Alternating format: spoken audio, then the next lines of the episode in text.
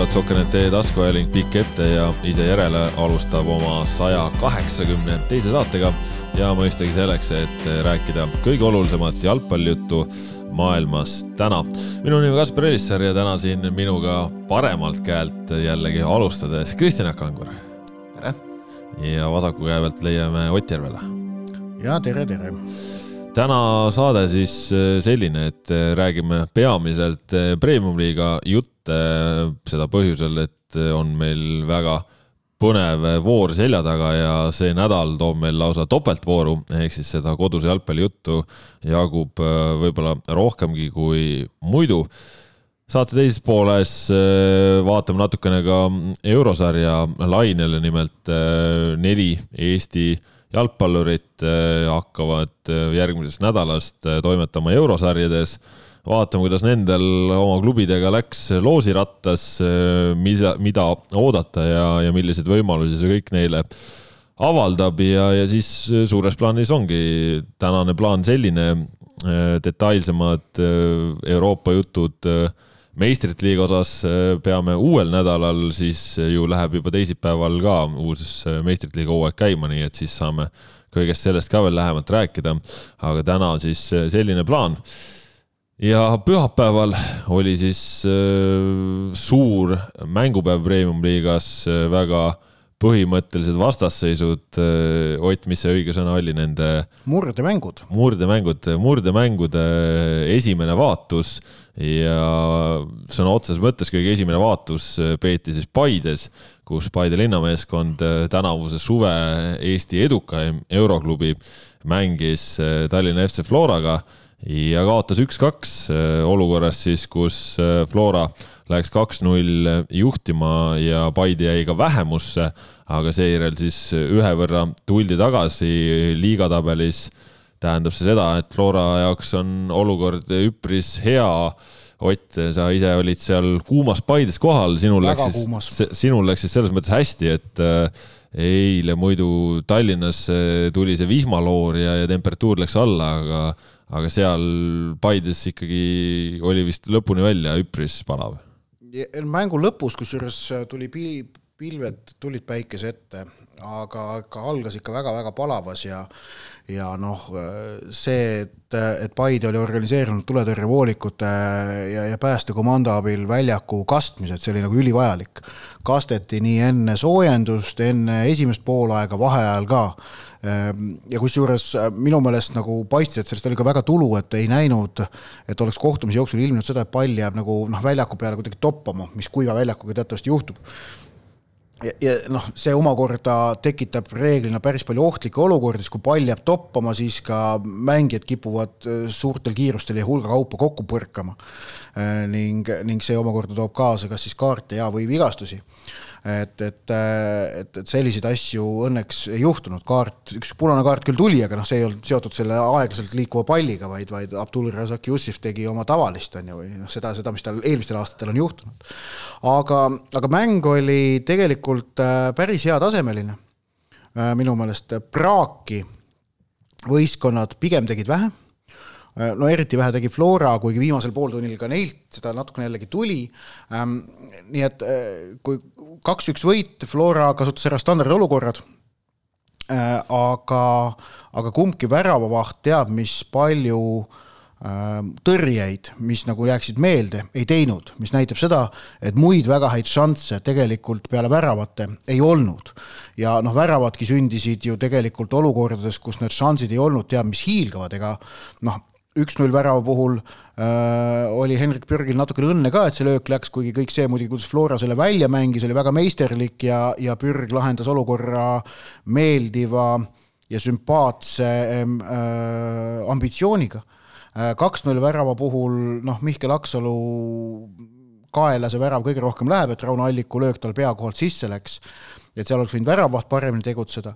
Et noh, kumbki ei olnud nüüd noh, teab mis sajaprotsene võimalus, et noh, pigem nagu mõnekümnene, aga sealt tulid väravad, et, et aga, aga et kuna sajaprotsendilisi võimalusi ei olnudki, siis see nagu näitab ju seda, et, et tegelikult kaitsemäng oli mõlemalt poolt tasemel no mida võib ka tegelikult ju oodata ja, ja arvata enne siis äh, selliseid väga võrdseid ja omavahelisi duelle, et see fookus saab pigem kaitsemängul olema.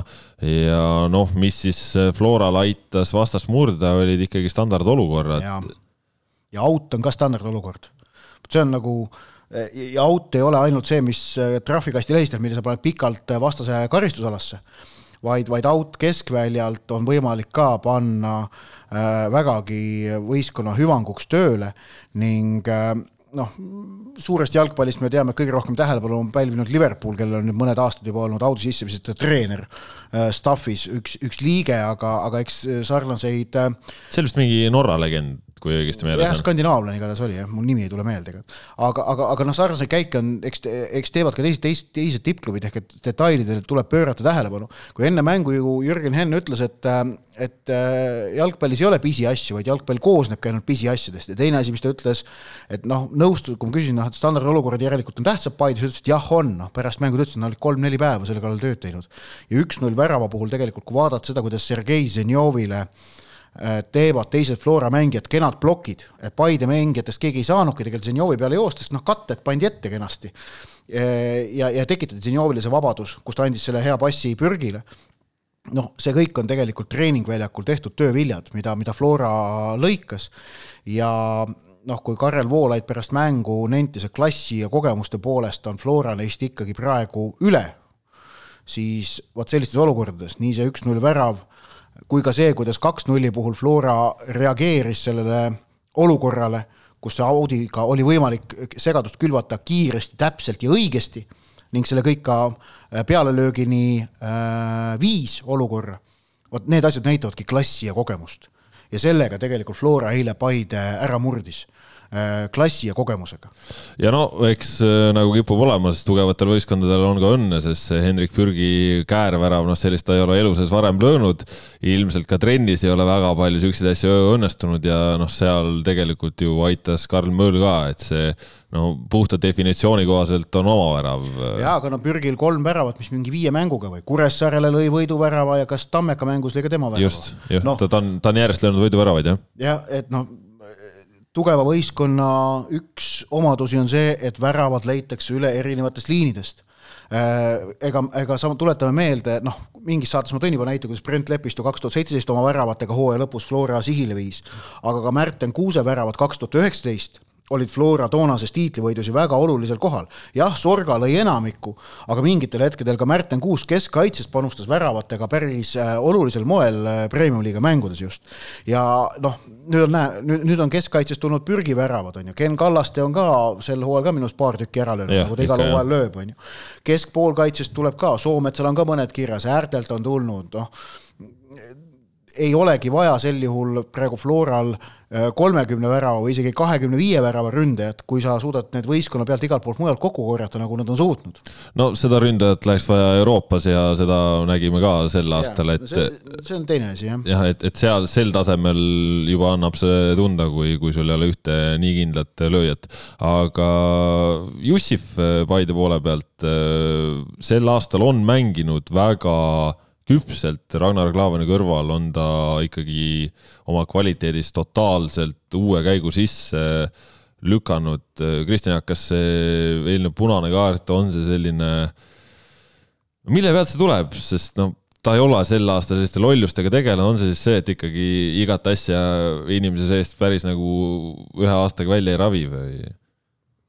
ülepüüdlikkus, ma arvan, sellises mängus sest vaadates, kus kohas ta selle vea tegi, kust punane kaart tuli, siis no täiesti ebavajalik liigutus ja aga ma ei paneks seda ausalt öelda praegu aga... mustrisse, et, et see ei, aga mitte võib-olla aga... hooaegade näited on. aga, aga ma ütleks, et tal on sel aastal ka olnud selliseid euromängudes selliseid hetki, kus ta noh, korraks nagu sa hakkad juba kahe käega peast kinni haarama ja siis ta lapib selle ise ära kohe jälle.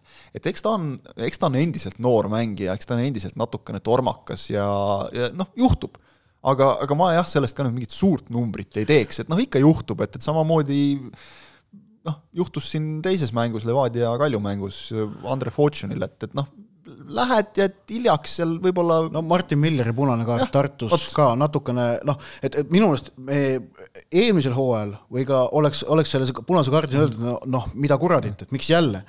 aga tegelikult Jussifi see hooaeg on suurt plaani vaatad, siis see oli praegu ikkagi erandlik asi ja Karel Voolav võttis ju tegelikult hästi kokku, et, et noh, lõi korraks välja see eelmise hooaja Jussif. Et noh, see, see tegelikult nagu ütlebki, et see ei ole talle sel hooajal omane, seetõttu ei ole mõtet sellest nagu minu meelest nagu väga palju rääkida, eks ta ise nagu ka tundus, et läks väljakult ära veidi nagu kukad kratsides, et miks no, ma nii tegin, no juhtub vahel kogu noh. Paide sats sai aru, et Jah. no keegi, keegi ei protesteerinud protesteeri- mitte midagi. noh, see, see nagu alati vaata hea indikaator, kas otsus oli õige. Jah. no vedas, et Soomet sai selle pihta saanud jala maast lahti. kui see jalg, millele Jussif sisse läks, oleks olnud maas, siis oleks tulemus olnud, võinud olla väga-väga kole aga no rääkides uuesti natuke laiemalt, siis mis äh, kamm Paidel selle Floraga on, et liigas no ei õnnestu? ma ei ole enam väga kindel, kas me seda kammi tegelikult, no okei okay,, liigas jah, ei õnnestu, samas karika poolfinaali nad võitsid no see oli väga oluline jah ja. jah, et, et, et ma, ma nagu noh, noh nüüd, nüüd see, see, see premium-liiga tärnikene on seal veel olemas jah, sest seda nagu, sellega on Paide ise ka nõus, et see kahe tuhande viieteistkümnenda aasta viimase vooru võit, et see ei loe. selle on seda, seda, sellega on Paide, Paide on ise ka öelnud, see ei loe, et see oli teist, teistes tingimustes peetud mäng, Floral oli tiitel kindel, mängisid vahetusmeestega ähm, no aga, aga tegelikult pigem läheb see sinna tagasi, et see noh, klass ja kogemused on, on Florat soosinud, pole ju tegelikult kordagi olnud olukorda, kus Paide olekski selle klassi ja kogemuste poolest Florast parem meeskond. mitte kunagi aastate jooksul sellist olukorda pole olnud. hetke vormi põhjal on aeg-ajalt olnud õhus võimalus, et Paide võiks nüüd ju Florat hammustada, no siis mõningatel puhkudel pole olnud õnne äh, ja, ja mõningatel puhkudel on ise lati alt läbi mindud, et seal on nagu erinevad põhjused olnud. ja, ja noh, eks see Paidet häirib küll, aga mul on tunne, et võistkonda ennast tingimata mitte nii väga isegi, et see on pigem on nagu Paidele tervikuna on see väikene murekoht, võistkonna noh, mina, mina nagu, ma ei usu, et, et Paide kaotas eile sellepärast, et vastas oli oli Flora, vaid nad kaotasid just nimelt sellepärast, et vastas olidki Flora särgis olevad klass ja kogemused. jah, parem meeskond oli vastas lihtsalt natukene, eks ole.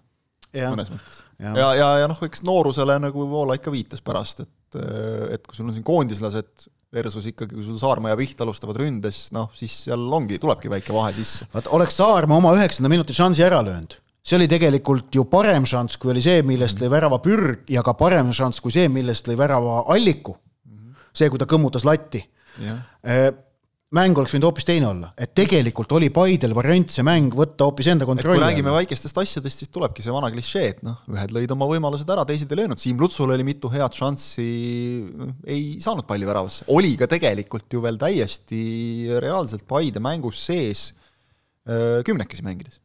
Et selle pealt nagu sellele ka mõelda, ma arvan, et neil ei ole nagu väga, väga põhjust nagu midagi põdeda eriti, et öö, noh, nad on tulnud siin Flora vastu, eks ole, seesama see karikavõit on tõestatud, et, et see ei ole mingisugune krüptoniit nende jaoks, see Flora, nad on tulnud öö, siin null kolme pealt kolm kolme peale, et, et noh, neid asju on olnud küll ja ja tegelikult mängiti nagu, mulle tundus, et nagu isegi natukene selle Jussifi punase järel, kui nagu tihti juhtub, sul ei ole midagi kaotada, veidike oldi nagu kuidagi mingist kammitsast vabamad, aga noh, lihtsalt ei no kümnekesi punase kaardi järel tuli see eurosarja Paide välja. jah, just, see kõige õigem määratlus ilmselt, et siis, siis kümneke, Paidet. ja ma kümnekesi Flora vastu lihtsalt noh, ei, ei saa, ja kui vaadates nüüd neid murdemänge edasi, siis kolmapäeval ootab äh, Paidet kodumäng Levadiaga, siis kahtlemata selle viimase pooltunni pealt, mis nad Flora vastu tegid, on nüüd sellele mängule minna hoopis julgem vastu. ja, ja, ja noh, ma arvan, et, et Paidel ei ole nagu sellist kuidas öelda, moraal ei saanud liiga palju kannatada sellest kaotusest. ma võtan selle asja niimoodi kokku. ja noh, kokkuvõttes ütleme, et oli ikkagi ka ebaõnne, sest noh, iga päev ei juhtu nii, et Mihkel Aksalu laseb omal kõrvad vahel lüüa, et noh. jah, samas nüüd sel hooajal teine selline suur mäng.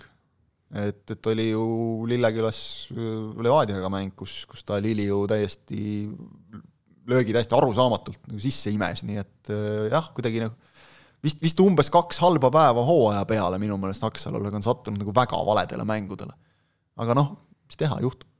se-, sealt nüüd ka mingit, mingit nagu suuremat järeldust nendest kahest ei, muidugi mitte. teha ei ole ju mõtet, et muidugi mitte. ei saa ju, me ei saa ju arvata umbes, et nüüd Aksalu, ma ei tea, ei pea pinge all vastu või midagi sellist, et lihtsalt mm. langevadki need asjad kokku, eks ole, Saarma ei löö ära, Aksalu ei võta ära mingit olukorda ja, ja nii ongi ja vot eh, nii palju sellest mängust. Eh, kohe selle järel, kui Flora oli saanud eh, oma kaks-üks võidukese kätte, siis mängisid Tallinnas Lillekülas A Le Coq Arena'l Tallinna Levadia, Nõmme Kalju mäng, mis oli võib-olla siis võrreldes selle eelneva kohtumisega natukene praagirohkem, natukene mustem, samas mitte vähem selline meelelahutuslik, põnev, intriigi täis.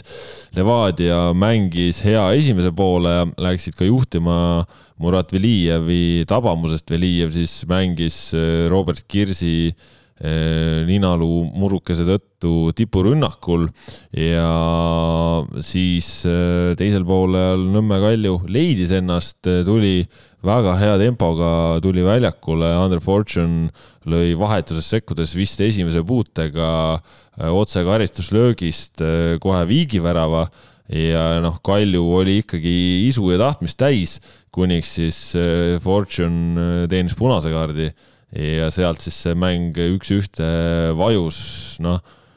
Kristjan Jaak vist nagu lõpuks võib öelda, et see oli aus tulemus, sest mõlemal olid omad hetked, omad momendid ja, ja, ja noh, mängu lõpuks oli nagu mõlemast kahju, et, et mõlemad nagu oleksid võinud võitu väärida. jah, ja esimene poolek Levadia oma, teine poolek Kalju oma pigem. Levadia tuli mängule nagu hästi peale, tuli ka teisele poolele hästi peale, lõi ära ja siis hakkas hoidma, kõige lihtsamalt öeldes. hakkas natukene edu hoidma ja, ja tegi seda, mida me ikkagi Levadia puhul noh, ma ütleks, me ikkagi ei ole liiga palju ka näinud seda, et, et äh, tagaliinis nii järjepidevalt äh, nii palju eksitakse. okei okay,, mängiti äh, selles mõttes küll kogenud meestega, aga kokku mitte mänginud tagaliiniga, kui sul on seal tagaliinis Brent Lepistu, Maksim Podoljuzin ja Milan, Milan Mitrovitš, peast julgen küll väita, et sel hooajal see, see kolmik ei ole niimoodi küll mänginud.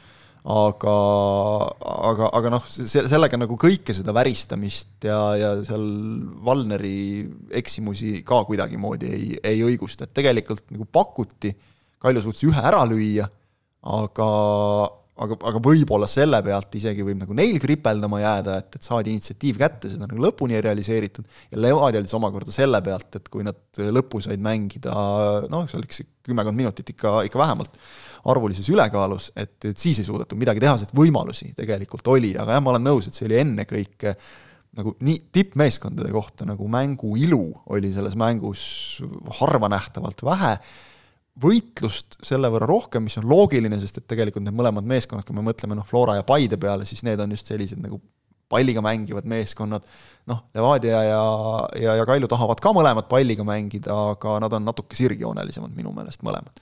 et, et, et selles suhtes mõnes mõttes nagu läks see mäng loogiliselt, aga, aga mis meeldis, oli see, et, et mõlemad meeskonnad olid äh, valmis, oli isegi üks olukord, kus oli vist Dilma Vretic ja, ja kas Henri Järvelait, mõlemad tulid eri suundadest hirmsa hooga, põrkasid hirmsa pauguga kokku, laks käis üle terve staadioni, mõlemad pingid püsti, kisage ära, mängijad olid mõlemad, et no mis on, et siis mängime edasi, et noh, läksime palli peale, kõik aus värk, teeme, et tuldi nagu hea häälestusega ja, ja, ja noh, võib-olla tõesti siis selle pealt võib nagu mõelda, et noh, oleks emb-kumb ka võitu väärinud, aga kokkuvõttes aus tulemus. ma vaatasin, nägin selle mängu teist poolega, äh, Paides tagasi sõites vaatasin, vaatasin telefonist äh, ja siis infoks, et äh, ma istusin kõrvalistmel, kui ma vaatasin.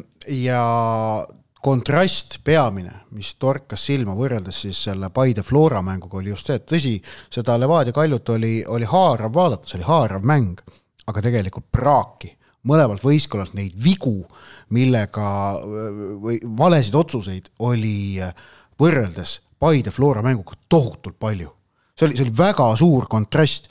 kahtlemata selle Levadia Kalju, see oli väga huvitav mäng vaadata, sest seal juhtus palju. aga, ja, ja Paide Flora selles mõttes oli igavam, sellepärast et seal juhtus vähem. teatavasti, kui vähem juhtub, siis on asi võistkondadel rohkem kontrolli all, struktuur on rohkem paigas. jah, okei okay,, Paide väiksemal väljakul on see mõnevõrra ka lihtsam, aga aga ikkagi see Levadia Kalju mängus oli minu meelest jah, Eesti tippmängu kohta lubamatult palju äh, eksimust, tehnilist praaki ja, ja noh, mul siin paar kogenud, kogenud kolleegi on samale asjale tähelepanu juhtinud, et, et see ei olnud, see, see tegelikult, see oli selle mängu selge miinuspool, praaki liiga palju tippmängu kohta mis oli selle praagi üks põhjuseid, näiteks kui me vaatame Karl-Ander Valneri jalaga mängu tegutsemist ja, ja üldse Levadia tagant välja tulemist lühikese sööduga, siis noh, tuleb äh, kiita selles mõttes äh, Nõmme Kalju väga agressiivset ja kõrget pressi, mida just eelkõige esimesel poolel näidati rohkem, sest teisel poolel saad ise rohkem palliga olla, sest seda ei olnud nii palju vaja. aga suruti ikkagi Levadia väga kitsikusse ja see kitsikus äh, tähendaski seda, et seda praaki tuli, sellepärast et noh, ütleme ise, kui hakati vaatad, et väga ilusti tulevad äh, seinasöötudega surve alt välja, siis ikkagi kellegi sööt läheb natukene selja taha või natukene liiga ette, natuke paremale, natukene vasakule ja siis see adressaat peab sealt klaarima ja paneb selle palli kuskil silmad kinni ettepoole ja siis tuligi see palli kaotus keskväljal vastasele jälle.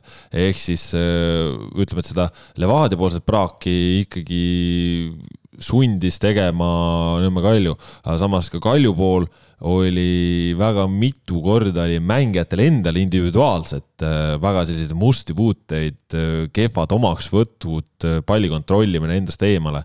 et see oli jah, nagu natukene ootamatu. ja mõlema võistkonna puhul tuleb siis üks asi, millest tuleb veel rääkida, on lühikene pink et, et nii Kaljul kui Levadial ikkagi pink oli väga lühikene, muuseas ka Floral oli pink lühikene äh,. ikkagi Flora oli viie väljakumängijaga üldse, üldse Paides, äh, Jürgen Henn kasutas neist ainult ühte, ütles, et leidis, et temale, leidis, et, et tema tunnetus ütles, et äh, et ei tasu praegu seda võistkonda, mis väljakul on, ära võtta, et see võistkond tema meelest kontrollis mängu. pikk, aga õhuke võiks võib-olla öelda nagu kõige õigem. ja, ja, ja noh, Floral on siis see, et, et Markus Poom, Marko Luka, Ken Kallaste, kõik on traumadest paranemas, kas nad on kolmapäevaseks mänguks Kaljuga tagasi, ei tea, kas pühapäevaseks Levadiaga ka ei tea, loodetakse muidugi, et on, aga aga Flo-, tähendab Kaljul ja Levadial oli seda valikut veel vähem kui Floral. no muidugi Levadial oli ka konkreetselt kõige rohkem probleeme. ja, ja ma ütlen siia vahele ja Paide oli jällegi võistkond, kes tegi jälle ära oma viis vahetust, nagu nad ka eurosarjas alati tegid, ja suutsid sellega võistkonnale uue vungi anda. ja, ja noh, neil Mošnikov jäi veel vahetussegi, et, et noh, neil nagu oli pingi pealt võtta kõvasti. ja no Levadia seis oli siis äh, see, et mängukeelu all äh, Rasmus Peetson, Maximiliano Uche vigastusega väljas, Ernst Tširi, Robert Kirss samamoodi veel vigastusega väljas, ütles, et äh, noh, väljast vaadates paar sõna vahetasin ka, et no eemalt vaadates väga nagu ei saa aru, et nina oleks midagi hullusti, et seal natukene siis siinikat oli ühel pool ja teisel pool ja, ja loodab juba nüüd sel nädalal trennidesse ka minna. aga noh, veel, veel ei saanud mängida, lõpuks see vigastus on täpselt selline, et mängija peab ise tundma, et ta on valmis, et ta ise ei hakkaks tagasi hoidma, noh, ja siis lisaks ei ole veel ka Liljut on ju enam väljakule oodata, noh, see on kõik räägitud teema, aga, aga seda noh, potentsiaali viie sisuliselt põhikoosseisu mehe jagu oli Levadial puudu. jaa, aga vaata, Levadial on üks väike konks, on see, et, et Uche Peetson, äh, Peetson ka sel ajal võime lugeda julgelt nagu keskkaitsjaks, eks ole, pingil oli Burama Fomba, pingilt sekkus Markus Jürgenson, kes on ka kaitsja, ikkagi okei, ta oma kogemustega suutis ääre peal nagu teravust täitsa juurde anda, seal oli korraks isegi õhus, et, et kui Henri Järvelait päris rängalt eksis, et noh, äkki Jürgenson võtab penalti välja sealt seda ei antud siiski. aga no, seal ei olnud anda millegi peale? ei, seal ei olnud anda jah, aga, aga noh, ta tekitas hea olukorra, eks ole, oma survega, et ta suudab ka nagu rünnakul panustada küll, aga lõpuks, lõpuks on nagu see, et sul on ikkagi sellistes olukordades ründajaid vaja. Ründavaid mängijaid. Ja nüüd, kui Adžiri on väljas ja noh, kõikide märkide järgi ütles Ivan Stoikovitš ka pärast eilset mängu, et endiselt nad täpselt ei tea, kui tõsine see vigastus on, trennis ta selle sai aga ta liikus ringi siin see selline kaitsev saabas jalas, ehk et noh, ilmselgelt see asi on tõsine. no sel nädalal ta ei mängi. ja, ja ütles ta kindlalt, et äh, nendes mängudes nüüd Adžiri kindlasti ei saa meeskonda aidata. Kirsi kohta ütles täpselt nii palju, et äh, äh, ise, just põhimõtteliselt see, mida sa rääkisid, ise ta peab tunnetama, eks ole, ütles ka, et me ei hakka nagu teda väljakule tagasi suruma, aga no ma arvan, on suhteliselt selge, et talle leitakse mingisugune kaitse või mask ja äh, ei hakata teda suruma tagasi nüüd siin järgmises mängus küll aga Flora vastu ta, no ma, ma ei näe nagu varianti, et ta ei mängi no ja Nõmme ta ise Kalju tahab, ise tahab ka kindlasti nagu selles mängus aidata meeskonda. ja Nõmme Kalju probleemid äh, siis noh, selles mõttes olid äh, nii-öelda teada, et nad äh, on terve hooaja võrdlemisi õhukese koosseisuga olnud ja, ja praegu siis probleemid Mihhail Babitšev mängukeelu all ja noh, nagu endiselt äh, Igor Subbotin, endine kapten, ei ole praegu esindusvõistkonna juures, et et Edi Cardoso ise mängu järel ütles, et ei taha seda teemat kommenteerida, aga noh, nii palju kui kuuldused on, siis siis see olukord ongi jah see, et Subbotinil ühest küljest on leping lõppemas ja, ja ei ole vist sellele alternatiivset pakkumist või täiendavat pakkumist tulnud ja, ja vist kõige nende, ütleme siis finantsteemadega seotud aruteludega siis olevat ka vist natukene sõnerust seal treeneri ja mängija vahel olnud, et et se- seda, seda on siis see põhjus, miks, miks Subbotin on praegu duublis ja ja, et me võime Ja, siin aga- rääkida, et kui hea või halb Subbotin on olnud, et noh, vahet ei olegi nagu, aga konks on selles, et, et lihtsalt äh, ei Üks ole nii-öelda nagu noh, kehasid nagu, eks ole, mehi aga ei ole, praegu- kogenud mehi ei ole. ja olukord praegu on aga see, et ke, ke, mis on kaks võistkonda, kus me räägime praegu säärastest probleemidest. Liliu Levadia ja nüüd Subbotin Kalju. ja need on kaks võistkonda, kellel on läbi aastate juba olnud äh, probleeme Eesti mängijate värbamisega. noh, sinna ei taheta minna. kui sellised asjad juhtuvad, siis see ainult võimendab seda. ja ei ole kumbki nagu esimene juhtum ka, eks ole, kus on noh, Keile Vaad ja need jäävad nagu kaugemasse aega, aga aga noh, ikkagi on, on olnud nagu neid, eks ole. Et noh no,, Liliu Konstantin Vassiljevit nad seetõttu tagasi ei saanud, kui ta no vot jah, näiteks, eks ole, et see, see võib, jumal teab, millal sul nagu ringiga tagasi tulla, eks ole, et, et noh, Liliu puhul on see, et, et tegelikult ütleme, otsus, miks Liliu, Ivan Stoikovitš on öelnud, see on minu otsus, mina olen peatreener, eks ole, mina otsustan, et, et et miks ta Liliu kõrvale on jätnud, see on tegelikult on see igati põhjendatud, et noh, mees ei mänginud kohta välja nüüd on, ongi konks selles, et, et Rustam Soirov tegi debüüdi, et, et kui hea või hea ta nüüd on, eks ole, aga, aga noh, see, et, et sul on kirss väljas ja sa pead juba mängitama Velijevit, mis ei olnud ju iseenesest nagu halb, aga vot sealt tekivadki need probleemid, et et noh, Velijev ei olnud halb, Velijev oli väga hea tipuründes tegelikult, müts maha, ta värava puhul ta seal mängis äh, Kalju mõlemad keskkaitsjad, Manone ja Tsivelikidis ühe nagu olukorrast välja nii-öelda. no ma seal ütleksin niimoodi, et seal või, või nad mängisid ennast ise olukorrast välja, seda võib ka öelda muidugi, aga noh. et seal nagu äh, Velijevi tegevuses äh, noh, tähendab, seal oli ikka ennekõike oli tegemist Tsivilkidise ja, ja Mannone saamatusega. Velijev tegi, kasutas lihtsalt talle avanenud võimaluse väga hästi ära, aga ei saa öelda, et seal nüüd oleks kaitsjad üle mänginud, kui kaitsjad üldse ei mänginudki. jah, vot see on see, vaata, et noh, et kui sa jagad nulliga, siis tegelikult seda tehet ei saa teha. seda küll. Aga- aga, aga ütleme, Velijev tegi väga hea mängu, jääme selle juurde, aga noh, näiteks ütleme Lepistu äh, nihutamine keskkaitsesse, ma ise nagu oleks eeldanud, et noh, kui Fomba toodi, et ta siis ta ikkagi ka alustab, noh, ilmselt ei tahetud sellises mängus, ta on ju nii vähe mänginud Levadia eest ka. mina ütleks, et Lepistu oli väga hea selle koha peal, Lepistu jaa, Lepi-, ei Lepistu selle koha peal mängimises ei olnud üldse asi, asi on selles, Alex Tammeda sõi ikkagi konkreetselt kui ära sa. võtad Lepistu ära keskväljalt, siis ei ole sinna päris samasugust meest jällegi Levadial panna, Mavretitš ja Antonov, noh, Mavretitš ka on minu meelest ennast näidanud hea mängumehena, Antonovit teame, nad ei ole seda tüüpi mängijad. et see, seal jääb nagu sellest kontrollist natukene jälle puudu võib-olla, et ühesõnaga sa pead nagu kogu aeg kuskilt lappima ja et noh, siis ongi see, et kui sul on tõesti pingi pealt oli siis tuua Soirov ja, ja Jürgenson ja ülejäänud olid noormängijad, kellest ühel on kirjas Premium-liigas üheksa, teisel kuus minutit ja, ja kolmel vist ei ole üldse mitte midagi, eks ole. et äh, noh, õhuke on see asi natukene ja Kaljul samamoodi tegelikult. Aleksandr Volkov, väga hea mees, kes pingilt võtta, aga Babitševi puudumisel jällegi me ei tea seda, aga on äh, kindlalt vähemalt, aga on Edi Cardoso ka palju jällegi viimasel ajal kasutanud ka noh, kas seda nüüd nimetada siis nagu neljaseks või või kolmeseks või viieseks liiniks, kus Babitšev seal ka liigub üles-alla, vajub tihti kolmandaks keskkaitseks, aga praegu ei olegi sul sellist meest võtta, et kolme kaitsega mängimine ei olnudki üldse nagu variant.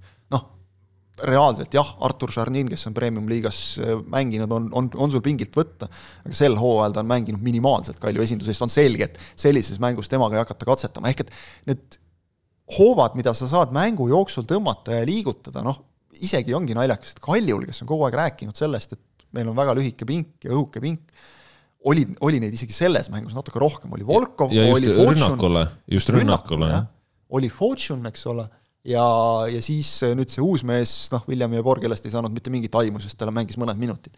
aga aga mis, mis muidugi Kalju puhul on silmatorkav, on see, et ma julgeks öelda, et see on üks väheseid mänge sel hooajal, kui mitte isegi ainus äkki, kus Alex Mattias Tamm on mängust välja võetud, nagu sa mainisid, Lepistu no, ja tegelikult teine, mees, mees, kes ka on, on olnud sel hooajal palju Levadias pingil, Maksim Podoljuzin minu meelest tõestas, et ta tegelikult, ta vääriks rohkem ikkagi mänguaega. ta, tema see liikuvus võrreldes ütleme näiteks Utšega, ka Mitrovitšiga, see, see, see, see sobis selles mängus tegelikult Leadiale päris hästi ja omakorda on tunnustus Kaljule, et kuigi Tamm jäi märkamatuks, siis Kalju suutis olla ikkagi rünnakul päris sageli, päris terav. no mis Podolõusenit puudutab, siis eh, no on ta ju selgelt olnud aastaid liiga üks paremaid keskkaitsjaid ja, ja, ja no võib-olla kui ta oligi natukene mingit pidi mugavustsooni vajunud, siis kui sul on toodud nii palju keskkaitsjaid klubisse ja konkurentsi, siis sa oled seal mugavustsoonist väljas, et noh, see on loogiline, et ta sellisel hetkel peabki uuesti kõrgel tasemel mängima ja, ja aga no mis on üks asi, eh, mida siis selle asjade juures, et eh, koosseisud on erinevad erinevatel põhjustel õhemat sorti, eh, mis on positiivne, ongi see, et tegelikult Levadia poolelt Karl-Rudolf Õigus, Murat Velijev algkoosseisus ja väga head mängud. õigus, terav, särtsakas, võttis ette, tegi. jah, jah, et äh, oli seal ka väravat võimalus lüüa, noh, Velijevil muidugi ka oli võimalus teine lüüa ja mäng ära otsustada. et seal need noore mängija vead äh, lõid välja, aga nad saavad selle tippmängu kooliraha ja pikas perspektiivis noh, võivad väga palju kasu sellest lõigata, noh nii nagu näiteks Mark-Oliver Roosnup ühel hetkel, noh, Paides sai oma esimesed võimalused, Levadias hakkas saama, kasutas ära ja jäigi mängima ja nüüd on põhimees ja, ja nii ongi, on ju. et äh, selles mõttes noh, natukene sellist äh, kasu ka kõikidest äh, nendest muredest, aga jah, no Fortune'ilt lühike mäng, aga võib-olla äkki oleks võinud ka kollase kaardi saada mitte punase no,. ma arvan, et täpselt selline olukord, et kui kohtunik annab punase, ütled, okei okay,, võis anda, kui kohtunik piirduks selles olukorras kollasega, ütled ka, et okei okay,, ei pidanud tingimata andma punast. Varb oleks äh, sekkunud. Varr oleks, Varr oleks toetanud, Varr oleks toetanud kohtuniku otsust. just, et midagi sellist seal ei olnud, et, et jah, noh, Kaljuleer ei olnud rahul, võis neist aru saada ja, ja Levadia mehed nagu leidsid, et kõik õige võis ka neist aru saada, mis mulle veel ühe asjana silma torkas selle mängu puhul, isegi mitte ainult selle mängu puhul, vaid äh, pärast seda, kui Ivan Stoikovitš äh, tuli äh, või nihutati siis peatreeneriks duubli peatreeneri kohalt. Stoikovitšil ei ole probleemi öelda pärast mängu, et vaimne küsimus, ütles, et inimese loomuses on enese alalhoiu instinkt, me saime edu kätte, me hakkasime hoidma. vajusime liiga madalale ja nii ta läks ja, ja samas äh, see on nagu asi, millest Levadia on nagu minu meelest meeleheitlikult siin ütleme viimase pooleteise aasta jooksul nagu püüdnud hoiduda, see, et, et meil ei ole nõrkusi. et mulle nagu näib, et kui praegu seda endale tunnistatakse, et ka meil on nõrkuse hetki, siis see võib seda meeskonda edasi viia ja, ja ütleme, mõnes mõttes nagu see, et sul noored saavad võimaluse eksida, see on ka nagu natukene sellega leppimine. ehk et ma, ma nagu praegu näen, et läheb selle aastaga, kuidas läheb, aga, aga Levadia mulle tundub, et praegu ehitab nagu päris nagu asjalikele õigetele alustele teatud vundamenti. ja no pannes juurde need tänased uudised, Sergei Bareiko on klubis tagasi ja, ja võetakse see noortesüsteem ka veel põhjalikumalt ette, et need on kõik tervitatavad asjad, aga Premiumi liigas mänge veel.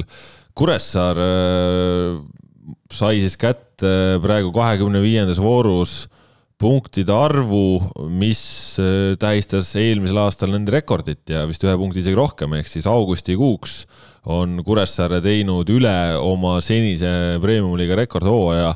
vahe kuuendal kohal oleva Transiga on kümme punkti, kolm-üks võit võeti seal Sander Laht, Mattias Männilane heast eeltööst lõi esimese siis Trans vastas Preomovi väravaga, Kuressaarel oli teinegi värav, seal transimehed ise olid selle enne ära sepistanud ja, ja lõpuks siis äh, rahulik äh, lõpp, mängu lõppvormistus Sten Reinkordilt taas Männilane söödust. kas me nagu aknast välja vaadates võime öelda, et ja Kuressaare suve ei tulnudki?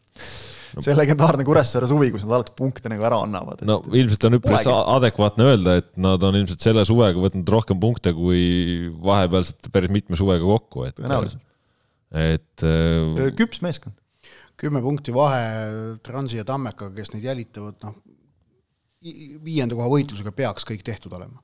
keeruline on näha, et siin üheteistkümne alles jäänud vooruga see, see kümnepunktiline vahe emma-kumma poolt kinni õmmeldaks ja, ja Kuressaarest mööda mindaks, see nõuaks lisaks kõigele muule ka Kuressaare mingisugust äh, väga selget langust, aga see võistkond on läbi terve hooaja näidanud, et seda, et isegi kui, kui tuleb mingi tagasilöök, et nad taastuvad sellest alati väga kiiresti. Nad tulevad, nad tulevad välja sellest ja, ja see on vaimselt tugev võistkond. just, just, ja, ja enesekindel võistkond, kes teadvustab endale oma võimeid, oskab neid ära kasutada, teadvustab endale ka oma puudusi, proovib neid võimalikult palju vastase eest peita, kui alati ei õnnestu, noh, ei õnnestu, aga kokkuvõttes jaa, Kuressaare on, on kvalit-, kvaliteeti näidanud ja meeldivat kvaliteeti. just seda, see mäng korraga, minu meelest seda on Kuressaare näidanud sel, sel hooajal nagu, et, et sellest nad suudavad väga hästi kinni pidada no mis puudutab äh, kvaliteedi näitamisest ja selle mõistmisest, siis äh, pärast mängu Roman Kozlovskilt ka Kuressaare enda kodulehel üpris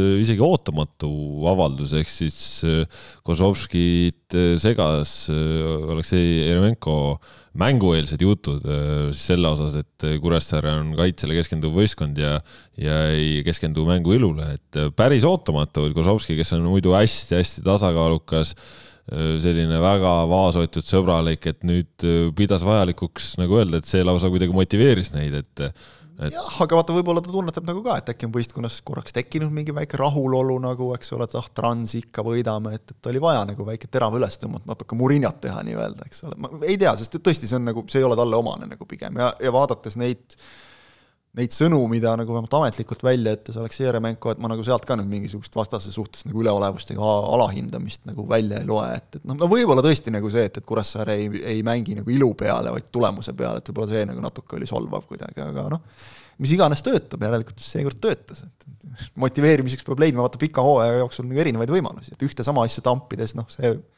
väsib ära ja no kes oli natuke väsinud ka, oli selles mängus Deniss Tedesco mees, kellest me oleme rääkinud kui sangarist ja, ja kultuskangelasest. aga sellepärast võttis kaheksakümne kaheksandal kollas, et puhkama saaks nagu järgmiseks mänguks. ja, jah, seal igatahes no kõik, mis valesti sai minna, esimese värava puhul andis palli ette, teise puhul lõi ise selle Iiri peasöödu võrku ja kolmanda puhul hüppas Tender sealt läbi, et no ei, ei tulnud sedapuhku, harva nähtav, aga aga no juhtub ka nii, et eh, noh, Trans muidugi ka opereeris siis mängukeeldude rüpes ja, ja. oo üllatust ja nüüd siis uus mure jälle aga.... oo üllatust Narva Transi puhul, et keegi on, keegi on keeldudega väljas. see on jälle see lühikese pingi teema natukene aga noh, selles mõttes saab Transil nüüd eh, huvitav olema, kuna nemad eh, ei suutnud siis Kuressaarega vahet nelja punkti peale nõeluda ja, ja lasid seal hoopis kümne punkti peale omavaheliste mängude võlu see on, siis äh, Tartu Tammeka on nendel nüüd seljas. Tartu Tammeka sai äh, koduväljakul kaks-null võidu Tallinna Leegioni üle ja noh, praegu Martti Pähna käe all ikkagi Tammeka nüüd neid ideid, mida me nägime ka hooaja alguses, vormistab äh, väljakul mänguks ja tulemusteks jah, taktikalist revolutsiooni ma ei ütleks, et oleks nagu tehtud väga suurt, aga mehed, kramp on maas. meestel on mingi uus hingamine nagu täiesti. ja, ja et ei ole sellist. isuga, mõnuga mängitakse, just jah, selline kramp või ma ei tea, kas noh, mis hirmust me nagu ikka Tammeka puhul rääkida saame. kiiruse aga... mõõdik on nagu ära ja. võetud. vaata, ma ei tea, vaatad näiteks selles viimases mängus Sander Kapperit, et noh, ta ei ole minu meelest hooaja jooksul nii teravaid liigutusi seni teinud. väravasööt, värav ja ta on ju tegelikult just mees, kes praeguses Tammekas peaks tegema, võib-olla langeb see natukene kokku Taio Tõniste ütleme, täieliku nagu terveks saamise ja, ja väga hea vormiga. Tõniste on olnud viimastes mängudes meeskonna, no võib vist öelda julgelt nagu parim mees, ise ta küll üritas siin ühes mängus seda ära sokutada, öelda, et ikka meeskondlik mäng, noh, nagu talle omane, aga, aga ta on olnud tegelikult tõesti nüüd see liider, keda on tahetud. Ehk et äh, siin isegi vaatad praegu, et noh, Trans käib niimoodi, tal neil käib see kõver ikkagi üles-alla kogu aeg Tammeka praegu liigub selgelt ülesmäge, nii et äh, et, et hetk, kui hetkel peaks küsima, kellele eelista anda seal kuuenda koha heitluses, siis äkki annaks isegi Tammekale. sest minu meelest Tammeka ei ole suutnud oma selle hooaja senist potentsiaali noh, ikka nagu üldse välja mängida no,. Mis... senise, senise hooaja jooksul siis, muidugi noh, tegelikult võib sama Transi kohta ka öelda, et, et kui sa nagu kogu aeg koperdad kuskil suvaliste kohtade peal, siis, siis on ju ka sama asi. no mis Sander Kapperit puudutab, siis noh, tegelikult kui me võtame, et siin hooaja jooksul esimeses pooles tuli mängida äärekaitses, vahepeal portugallasest treener Santos jättis ta koosseisust välja, pingi peale ta-ta-ta, onju. et nüüd, kus on näha, et tal on ikkagi selge treeneri usaldus, siis mees ikka naudib ka ja, ja selles mõttes oli tõesti rõõm näha väga särtsakat kapperit, kes on ju tegelikult olnud liigas üks noh, paremaid triblajaid, ohtlikumaid kujusid et selles mõttes äh, see on kihvt ja noh, Kevin Mätas on ka nüüd äh, lööma hakanud. et äh, hooaja esimeses pooles tuli väga vaevaliselt neid väravaid, nüüd on tulnud üha juurde ja, ja see siis Tammeka seisu üha parandab. no ja Richard Alland ka selles mõttes hästi sulandunud, et, et alguses on seda roostet näha olnud, aga, aga kui praegu võidud tulevad ja taga null ka, siis, siis seal nagu etteheiteid ei ole. ja noh, Leegioni mure on ikkagi see, et no pallid ei, ei lähe võrku jah, neil on olnud küll väga tihe graafik, aga nüüd kaks viimast mängu on, äh, on olnud sellised, kust ikkagi nagu noh, midagi oleks võinud tulla ka juba. aga Leegioni jaoks noh, kaks järgmist on üliolulised, Kalev ja Vaprus. ehk et need, need on nüüd need nende mängud nagu. Leegioni osas on ikkagi äh, ütleme nii, et äh, Leegioni olukord on säärane, mis annab lootust Pärnu vaprusele, et nad ei pruugigi otse alla kukkuda. ja eks Deniss Belov siin möönis ka, et eks siin nüüd lähi, lähiaeg annab seletust, mida, mis nad on ja mis nad ei ole. Leegioni seis on kehv. Nad ei, nad ei suuda lüüa väravaid ja, ja sellist, sellist sidusust võistkonnas ka nagu napib, napib, jah ja noh, kui rääkisid Belovist, siis äh, lihtsalt äh, sooviks äh, tervitada Martti Pähna, suurepärane mängujärgne kommentaar. tervitame teda ka ja, ja arutame siis edasi, mis see Tammeka võlu ja valu on. tasub kuulata. ei jah, see oli kihvt. aga no Pärnu vaprust mainisid, Pärnu vaprus on ka sihuke allakäigu ma ei teagi, spiraali. ei käi põhjas... kuskil alla, nad on seal kogu aeg all olnud. no mängud nagu natukene lubavad, et võiks midagi olla, aga kaotus nagu kaotuse järele. mänguliselt isegi on nagu natukene tehtud nagu samm edasi nagu, et vaata, et sihuke üle, trepist paar astet üles ja siis on kuidagi seal ise endale jalg taha pandud ja jälle kolinal paar astet allapoole tuldud. ega see viimane mäng Kaleviga oli täpselt samasugune ju tegelikult, et noh, okei okay esimene punane kaart, noh, kõikide korduste järgi see ei ole punane kaart, et seal ütleme, Kalevi mees peitis kohtuniku ära, ma ütleks selle kohta niimoodi. näitles sealt välja selle punase kaardi. vapruselt väga hea võitlus, teenitud penalti, vaheajal eduseisus, hea küll, löödi neile ära, said ju punase, teise punase, see oli puhas oma lollus, seal ole nagu mingeid vabandusi vaja otsida Äh, jälle noh, kaevad endale augu sügavamaks, mis niigi on juba päris ebameeldiv. siis äh, lööd vastu, lähed uuesti kaks-üks ette ja ikka annad lõpuga ära. et äh, noh, kaua sa otsid nagu väljast vabandusi ja õigustusi? Et jah, hooaja alguses oli tõesti selge probleem nagu see, et neil, neil ei olnud mängijaid nagu tõi-, noh, mingitel positsioonidel kate puudus täielikult praegu ma ei julgeks seda enam öelda, suvel nad siin tegid ka noh, selles mõttes õigeid liigutusi, et tood tippklubidest või duublitest neid mehi, kes tahavad juba mängida, on juba valmis mängima. aga no ei tule punkte, noh. ei tule ja ei tule ja kui sa ikkagi annad selliseid mänge ära järjest otsestele konkurentidele, see, et sa üheksakesi, noh, seal lõpus üheksakesi lased endale lüüa kaks tükki, noh, saame aru, aga no see punane kaart, noh, sa oled niigi raskes seisus, ma mõtlen seda teist punast kaarti, niigi oled raskes seisus ja siis ehitad endale ise sellise Kalev muidugi oli tegelikult ülilähedalt sellele, et nagu ise selle mängu läbikukkuja tiitel endale võtta, sest et nad olid ikka püsti hädas. enne kui Kaspar Laur lihtsalt rünnakule toodi ja oma pikkusega seal asjad ära otsustas. tuleb kiita Lauri. kindlasti tuleb kiita, sest et mis talle lõpuks sai, eks ole, kaks pluss üks, ei. kaks väravat ja sööt, jah. kaks pluss üks, noh, et tema tegi oma töö ära, aga tahaks nagu küsida, et mida ülejäänud punt enne tegi.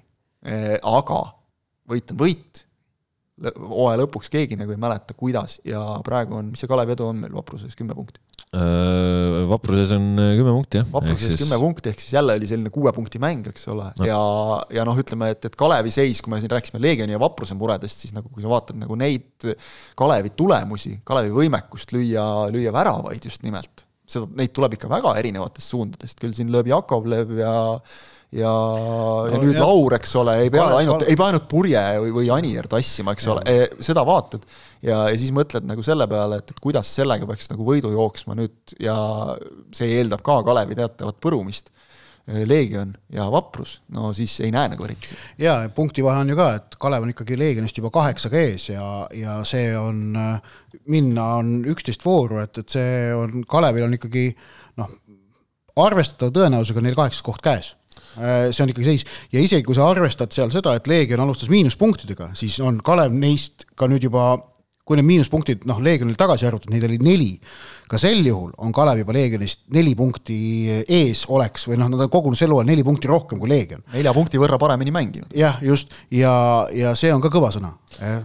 ehk siis kaheksas koht äh, maakeeli tähendab, et Kalev on üpris lähedal püsimajäämise kindlustamisele sest no,. arvestades, kui sa tulema hakkasid hooaja alguses, siis see on väga kõva sõna. jah, ja noh, arvestades tõesti, et kui nendel on praeguse vahe vaprusega on kümme punkti, Vapurs on ise teeninud sel hooajal kokku kaheksa punkti ja, ja Leegionil on endal praegu koos siis, koos miinusega kümme punkti. et noh, see, seal tabeli otsas on need marginaalid ikka juba väga suured, kui nad sellised on. tuleb meenutada seda, et üheksas koht on ikkagi noh, ütleme nii, et oht üheksanda koha satsil välja kukkuda on viimastel aastatel oluliselt äh, väiksemaks muutunud, sellepärast et äh, Premium-liiga toetusmehhanismid tagavad selle, et see Premium-liiga lõpusatsid on nendest esiliiga iseseisvatest klubidest paremuse teisena, kellega see üleminek toimub, ikkagi selgelt tugevamalt komplekteeritud. mäekõrguselt üle. No, seal on kolm, kolm võimalust, on ju, Elva, Harju, Laagri ja Viimsi, kes äh, taotlevad, kes mängivad nendele kahele kohale, et üks tõuseb otse üles ja teine läheb üleminekule noh, nendega võrreldes ka Leegioni ja Vapruse koosseisud, noh, need ei ole võrreldavad tegelikult.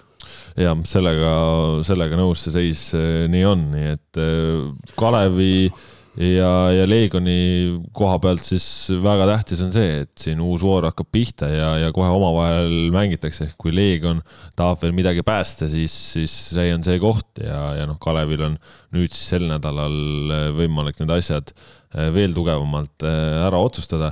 aga noh, see nädal toobki siis topeltvooru ja, ja siin tipud panevad omavahel ja, ja tabelinaabrid allpool ka veel omavahel. Ott, mis kursil me siis oleme siin murdemängude ootel, mida kõike see üks nädal siin augusti ja septembri vahetusel kooli mineku ajal võib ära otsustada?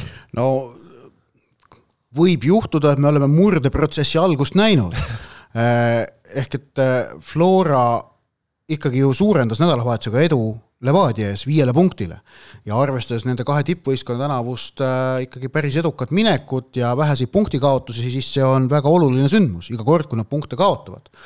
ning äh, Levadia peab nüüd minema Paidesse. Paide sai äsja Flora käest õppetunni äh,, ma, minu meelest Paide sel hooajal on suutnud kõikidest, noh, on suutnud õppust võtta kiiresti ja ennast, ennast kohandada.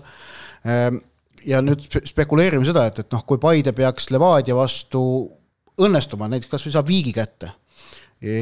Selles, et Flora saab Kaljust jagu, mul ausalt öelda erilist kahtlust ei ole, et, et ma noh, alati võib juhtuda aga, aga loogika ütleb, et kui noh, vaatad seda, kuidas Zenjov ja Ojamaa mängisid ka Paides ja, ja noh, nende tase on praegu nüüd sügisel, nüüd kui läheb nagu tõeliselt nagu panuste peale mänguseks, lööb välja see kogemus ja klass, mis neis peitub. noh, Vassiljev on ka veel kuskil olemas, Miller mängib keskväljal, nõnda edasi. et ma arvan, et Flora on Kaljust kolmapäeval üle. Eh, Levadia jaoks on see Paide mäng noh, võtmetähtsusega, sest et muidu peavad nad tulema Tallinna derbile olukorras, kus neil on kontakt juba Floraga ikkagi vägagi kadunud. ja samas noh, tegelikult võib juhtuda ka ikkagi teistmoodi, Kalju võib võtta Floralt kolmapäeval. Kalju oli hea Flora vastu. just, et nad, nad võivad äh, saada sellises väga nugade peal mängus, äh, kus noh, ütleme, et Flora teab, et nad ei taha seal riske võtta, on ju, sest mm. nemad punkte ei taha kaotada.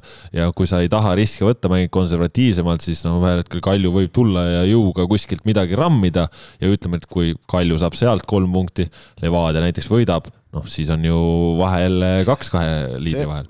Ja noh, siis see tooks meile nõus, pühapäevaseks me läheme... Tallinna derbi ikkagi täiesti uutesse skaaladesse. see kõik võib minna teistpidi, aga noh, läheme vaatame praegu kihlveokontorite koefitsiente ja sa tead, et need räägivad sama, sama juttu, mida mina rääkisin sulle, onju et noh, nii see asjade reaalne seis on, muidugi võib kõik minna teistpidi ja nende esineliku vahelised mängud, ka need kaks mängu, mida me nägime eile, sobitusid ju täpselt sinna mustrisse, kus olid kaksteist esimest nende vahelist premium-liiga kohtumist. marginaalid, väikesed, tasavägised, äh, keegi ei vaju ära, keegi ei lähe teiselt eest ära. E, e, nad perfektselt mahtusid sinna mustrisse äh, nii et me, me oleme mänginud nüüd neliteist mäng, premium-liiga tippmängu sel hooajal niimoodi, et neljateistkümnest ainult kahes on ühe võistkonna võidumarginaal olnud kaks väravat, kõik teised kas üheväravalise võidumarginaaliga või viigid. see on muidugi noh, muljetavaldav tegelikult. ja, et tippude näit... tase nii ühtlane on jah. ja, ja näitab seda, et kaitsta osatakse see, see, vaata, see, et skoorid püsivad madalana tippude omavahelistes, näitab seda, et kaitsemängu tase on ikkagi kõrgem on, on paranenud, siis ütleme, mäletame, ei olnud eelmisel aastal ka Häberli toonitas ka, et see oli halb. just, ja see ja, ja mida tegelikult ka Toomas Häberli ju siin ka selle hooaja alguses nüüd mainis et, et, et ta ei, et, et mille pealt on kaitsemäng paranenud, et ta ei pea silmas seda, et meil nagu kaitsjad, kes väljakul on, mängivad nüüd noh, paremini, vaid võistkondlik kaitsemäng, mis tähendab, et sul on võistkondlikkus, on neil kõikidel parem, igalühel on selgem oma nägu, oma plaan, vähem juhuslikkust ja eh, tähendab, ja, siis ongi tulemus see, et, et kusjuures pealtvaataja jaoks kes äh, ihaldab haaravat vaatemängu, see ei pruugi olla niivõrd hea uudis. sellepärast, et tegelikult ka, kui sa eilseid mänge vaatad, siis parema jalgpallietenduse pakkus ju kindlasti Levadia Kalju kui Paide Flora, aga mängu kvaliteedi mõttes Paide Flora oli selgelt Levadia Kaljust parem mäng äh, kvaliteedi mõttes. noh, et see, see dissonants seal sees on. mis omakorda on nagu naljakas, et kui me räägime siin, eks ole, siis esimese ja neljanda mängust versus teine-kolmas. no jah aga noh, et hooaeg on nii läinud lihtsalt, eks ole, Paidel, Paidel pole süüdistada kedagi muud kui ennast. ja me rääkisime nüüd Flora, Flora Levadia tiitlivõitlusest, aga siis noh, teine võitlus ikkagi see Kalju-Paide võitlus on ka ja, ja see ei ole lõppenud. ma ei, ei ole, ei ole, kindlasti mitte ma..., Paidel on, äh, Paidel on mäng varuks, vahe on praegu vist seitse, kaheksa, kaheksa nüüd. kaheksa pärast eilset. seitse oli enne, eks. no Paide jaoks oli tähtis pärast seda, kui nagu Flora kaotasid, et Kalju ei võidaks see oli Paide jaoks tähtis, et noh, ühepunktise suurenemise elavad üle, kolm oleks olnud liiast. praegu, praegu ma arvan, Paidel on ikkagi tunne, et noh, kõik on meie enda kätes veel endiselt, meie enda teha, et, et me, me saame, me, me saame mängida veel. see Paide meeskonna enesekindlus, ütleme see kasvõi see viimane, eks ole, see, mis ta oli umbes pool tundi, mis mängiti vähemuses, eks ole, kus saadi hakkama, löödi värav noh, oli võimalusi ka viigistada, et, et ma arvan, et see tõstis nende enesekindlust, see oli väga oluline, et, et see lõ, ära lõpetataks korralikult see mäng enne seda, kui nüüd Levadia külla tuleb. Kristjan ja... Pelt sai seal õnnestumise värava söödunul kirja, tema peab mängima nüüd kolmapäeval Levadia vastu, väikene nüanss võib olla väga oluline. et, et sellised asjad. jah, aga, aga jällegi pisiasjad, needsamad, mida Jürgen Enn mainis, need pisiasjad, need otsustavad, ma arvan, ka, ka mõlemas, nii nädalasiseses voorus kui ka siis nädalavahetuse voorus selle äh, võib-olla, et, et tiitli saatuse, sest tõesti võib olla nii, et Flora Levadia omavahelise mängu järel me võime hakata vaikselt joont alla tõmbama. Kristjan, tahtsin ka sult küsida, kas selle nädala jooksul selle kahe vooruga, kus tõesti jätkuvad siis tabelinaabrite või lähedas olevate noh, väga põhimõttelised duellid nii tabeli ülemises kui alumises otsas, kas see nädal otsustab meil ära tiitli ja väljalangeja või mitte? mul on miskipärast tunne, et ei miskipärast mul on tunne, et, et kus, kuskilt midagi läheb nii, et, et me, me nagu ikka päris selgeks seda asja veel ei saa. no tiitel oleks otsustatud äh, no ikkagi pigem ainult juhul, kui Levadia kaotab kaks mängu, võidab kaks mängu. okei okay,, ise, no ütleme, kui Levadia teeks Paidega viigi ja kaotaks Florale ja Flora võidaks Kaljut ja Levadiat, siis oleks ka ikkagi tehtud. et, et, et, et kui, kui Levadia äh, ühesõnaga kaotab Florale ja ei võida Paidet ja Flora samal ajal võidab Kaljut, siis on tiitel otsustatud. ehk siis, siis äh, vahe suureneb äh, viie punkti võrra? jah, siis ta oleks kümme juba no,. No, no, sealt, sealt enam Flora lihts, ei kaota. lihtsamalt nagu öeldes, et noh, Levadia peab kahest mängust ühe võitma. Siis... no ja ega, ega nad Florale kaotamist endale lubada tohi. ega tegelikult ja. ei tohi soovitavalt siis ütleme selle tei-, soovitavalt mõlemad muidugi. No. aga, aga see ongi nagu selles mõttes hea, et kui nad mõlemad võidavad, mis on täiesti võimalik, siis äh, on kõik endiselt täiesti lahtine. jah no vot, äh, saame siin põnevusega jälgida, igatahes äh, tore on, et see nädal jalgpallist sedavõrd tüüne. ütleme nii, et seal lõpus on oluliselt suurem tõenäosus, et otsustatakse asjad ikkagi enam-vähem juba ära, noh, okei okay,, üheksas, kümnes koht seal omavahel, eks ole, on, on veel ilmselt klaarimist, aga aga ma arvan, et, et seal see, see vahe võib küll nüüd käriseda selliseks, et see, et, et Kalev siit tuleb nüüd sellest eesootavast nädalast välja nii, et me praegu räägime, et nad on suure tõenäosusega püsima jäänud, et siis võib rääkida juba väga suurest tõenäosusest. seda ma usun küll no saame näha. igatahes eh, tõesti, kui see jalgpall on kodumaise, see nädal on kodumaisest jalgpallist eh, tüüne, siis eh, järgmine nädal toob meile eurosarjad ja nagu öeldud, siis meistrite liigast räägime uuel nädalal, aga meil on põhjust rääkida Euroopa liigast ja konverentsi liigast, sellepärast et Eesti koondislased ja ka ekskoondislased said teada siis oma vastased eurosarjades. Karol Mets mängib siis algaval hooajal Euroopa liigas elus esimest korda sellisele lävele ja no veel millisele. Arsenal, BSV, Bodø Glimt. Joonas Tamm, kes on Bukarestist EUA-s tõusnud täiesti oluliseks mängijaks pärast seda, kui esimeste mängude järel seal klubi omanik oli natukene sellise moega, et mis mees see Tamm on ja, ja kes ta kuskilt tõi, siis on nüüd aidanud väga olulise panusega konverentsiliiga alagrupi turniirile, seal ootavad West Ham United, Anderleht, kes on äh, meile siit Paide alt tuntud ja taanlaste Silkeborg ehk siis äh, loosiga läks ülikeeruliselt. lasi Sinjavski ja Tšehhi klubi Slovakka. tea, mis ülikeeruliselt, West Ham pole midagi näidanud sel hooajal veel. no eelmist hooaega võib-olla mäletad. Sinjavski äh, ja Slovakka said siis vastaseks Belgradi partisani, sakslaste Kölni ja prantslaste Nice'i ja olgu ikka main... suht jõhker loos. ikka väga jõhker ja olgu siis mainitud ka Nikita Baranov, mees, kes taastub praegu vigastusest. tema koduklubi Jerevani Pjunik sai konverentsiliigas vastaseks Baseli, Bratislava Slovani ja Vilniuse Žalgiris ehk siis nendel läks kõige paremini, aga seal ei ole Baranovit lähiajal vast platsil oodata. aga Mets, Tamm ja Sinavski, no põhimõtteliselt said mõlemas liigas kõige keerulisemad alagrupid mis seal ikka, tead sa, pigem noh, ma, ma ei suuda selle üle tead, mis nagu äh, kurb või nukker olla. mul tuli praegu meelde, et tunne, neil peaks olema Sergei Zenjovi number, väike kõne Zenjovile ja küsi-, siis Zenjov räägib neile, mis on päriselt raske alaga. jah, kui nad Kabalaga said seal Dortmundi ja mis nad seal kõike said. Sevilla vist äkki oli või? Dortmund, Sevilla ja ega midagi veel. kas mingi Prantsusmaa klubi ei olnud? midagi Paris Saint-Germain ei olnud sel ajal seal veel kuskil virelenud. ja igatahes noh, jah. midagi väga julma oli neil igatahes, et, et noh, seal, seal sa oled nagu nii outsider, et sa isegi ei paista, kui teised kolm meest lähevad. põhiline lootus on see, et nad, et nad saaksid nendes äh, tugevates alagruppides võimalikult palju mänguaega, sest need on kohad, kus jalgpallur akumuleerib endasse seda ainulaadset kogemust, millega on võimalik edasises karjääris väga olulisi võite võtta tulemusi teha, võistkonda, kuhu kuulud, aidata. Ehm, ja, ja nad on selleks hakatakse jalgpalli mängima, et selliseid mänge mängida. just, just. see on ju põhiline aga noh, kokkuvõttes või noh, ei pea veel kokku võtma, aga saada, ütleme siis Arsenal, minu mälu järgi on Karol Metsal vist ka lemmikklubi äkki Eh, et saada sellise vastu mängida, Karl Jakobein siis ka Arsenali mees ja noh, kui Arsenal paneb Premmisse samamoodi nagu praegu, ehk siis täiseduga lükkavad, siis on kindlasti fookus eh, on seal Premi tiitli võitmisel ja, ja Euroopas eh, varumehed väljakule, Karl Jakobein puuri. mina arvan, et Karl Jakobein ei saa sel aastal Arsenali esindusest platsile, et noh, ainult siis, kui M-kumb esimesest kahest vigastada saab, et see on kolmanda väravahi roll, ei ole tegelikult see, et talle ei anta neid mänge, vaid tema antakse, antakse teisele ja kolmas saab siis, kui esimene või teine on vigane, siis võib juhtuda, et saab.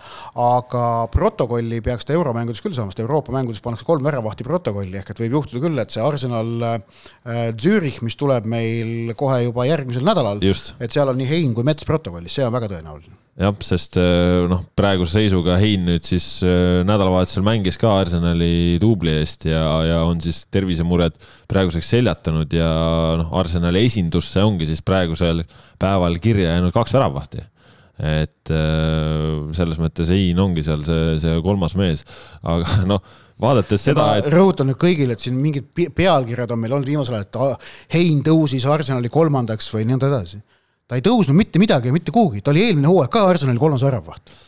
no välja arvatud periood, kus ta oli Redingus laenul. jah, aga ta kolmas väravaht laenati välja, ta oli, ta oligi juba eelmisel hooajal Arsenali number kolm, ta nüüd on ka number kolm kontrollisin korra selle Zenjovi asja üle, et see ei olnud mitte Kabalaga, vaid see oli Karpataga. Karpataga veel ja alagrupp oli Pariis Saint-Germain, Sevilla, Dortmundi Borussia see on raske alagrupp Euroopa liigas. jah, ja mine mängi siis Euroopa liigas. Ja mängi, mängis ja lõi väravaidki vist. jah, ja lõi väravaid ka. ma ei mäleta jah ei lõi ikka jah, seal, sel hooajal ta lõi, kas ta nüüd alagrupis lõi, ma ei mäleta. no vot, need väravad ongi see klass ja kogemus, mida Zenjov praegu realiseerib FC Flora eest nendes sügisestes mängudes, kus, kus nagu noh, ütleme seda esmast hooaja alguse värskust enam tingimata ei ole, aga vot nüüd näed seda Zenjovi klassi ja, ja kuidas... selliste mängudega seda klassi kogutakse. just, ja kuidas lüüa väravaid Euroopas, seda võib Sinjavski ise rääkida juba, kes ja. tahab kuulata. väga õigel hetkel hakanud paugutama järsku, eks ole, ja väga äge ja Slovakko on ta juba ristinud ka supervahetuseks no. ja, ja seal sotsiaalmeedias on äh, ikka korralikult äh, särama löönud. ta on selline mõnus kuju ka, ka, ma kujutan ette, et noh, ta võetakse nagu kiiresti omaks, alati selline heatujuline ja, ja kuidagi nagu sa saad aru, et, et noh, seda on ka koondis nagu näha olnud, et ta on endiselt, temas on veel alles see, see poiss, kes lihtsalt naudib jalgpalli mängimist, tema jaoks ei ole palganumbrid, kõik need muud asjad, see ei ole nii tähtis. aga nüüd siia üks selline vallatum mõttemäng ka, ilmselt teie vähemalt, kes te mul siin vastas istute, mäletate, mis oli osati aluseks sellele, et Ragnar Klavan jõudis Augsburgist Liverpooli, omavahelised mängud, kus ta ka väga head klassi näitas Euroopa liigas. Joonas Tammel variant mängida West Hamiga, Karol Metsal Arsenaliga, noh, siin niimoodi uljalt, et kas järgmisel aastal äh, eestlasi Inglismaal juures. Mets peab Zürichis põhisse saama, et tal on seal, vahepeal on, vahepeal jälle ei ole. viimati euromängudes oli, mis oli. euromängudes on, liigamängudes ei ole. nädalavahetusel Šveitsis ei olnud. liigamängudes ei ole ja noh, muidugi see, kui me siin räägime, et hooajad, sa ütlesid ka enne, hooajad on erinevad, et, et see, mida Zürich nagu koduliigas korraldab, see on täielik müstika, et neil on vist kuuest mängust kaks viigipunkti praegu, tabelis viimased viimati mängisid Baseliga, mis nagu tundub, et okei okay,, Baselile kaotasite, aga minu meelest oli see Baselile esimene võit, et, et neil ka liiga hästi ei lähe, et see on nagu hea näide, et tõesti aastad ei ole vennad nagu et Zürich peab jah ennast käima saama, põhimeheks tuleb saada.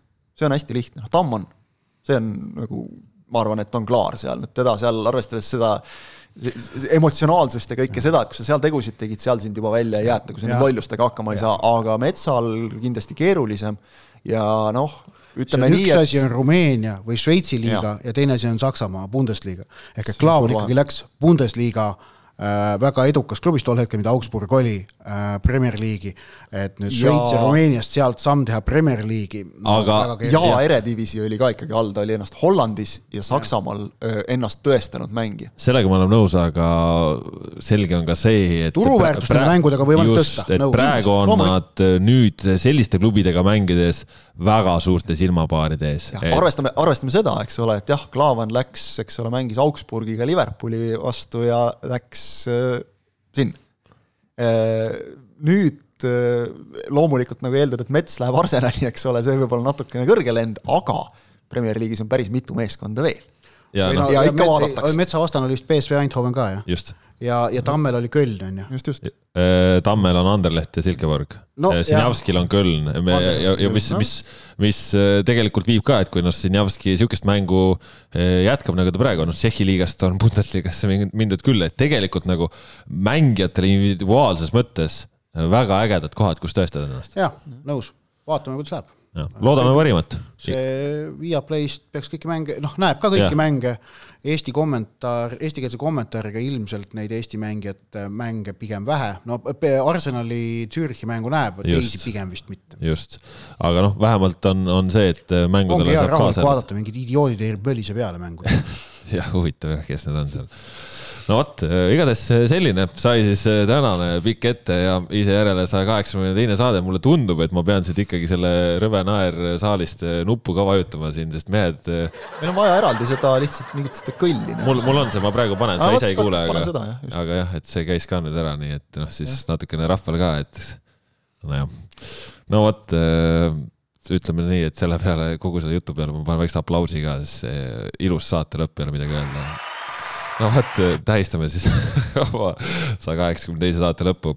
sellised jutud täna, uuel nädalal siis uued jutud ja, ja seal ka meistrite liiga võtame ette, mõistagi Eesti liiga, sellepärast et selgub, mis meil siis siin kõik kokku keeratakse. saate tõid täna teieni Kaspar Elisser, Kristjan Kangur, Ott Järvela, püsige ikka Sokkerneti lainel, kõik oluline jalgpallist mõistagi meie juures olemas, nii et nautige siis saabuvat sügist ja adjöö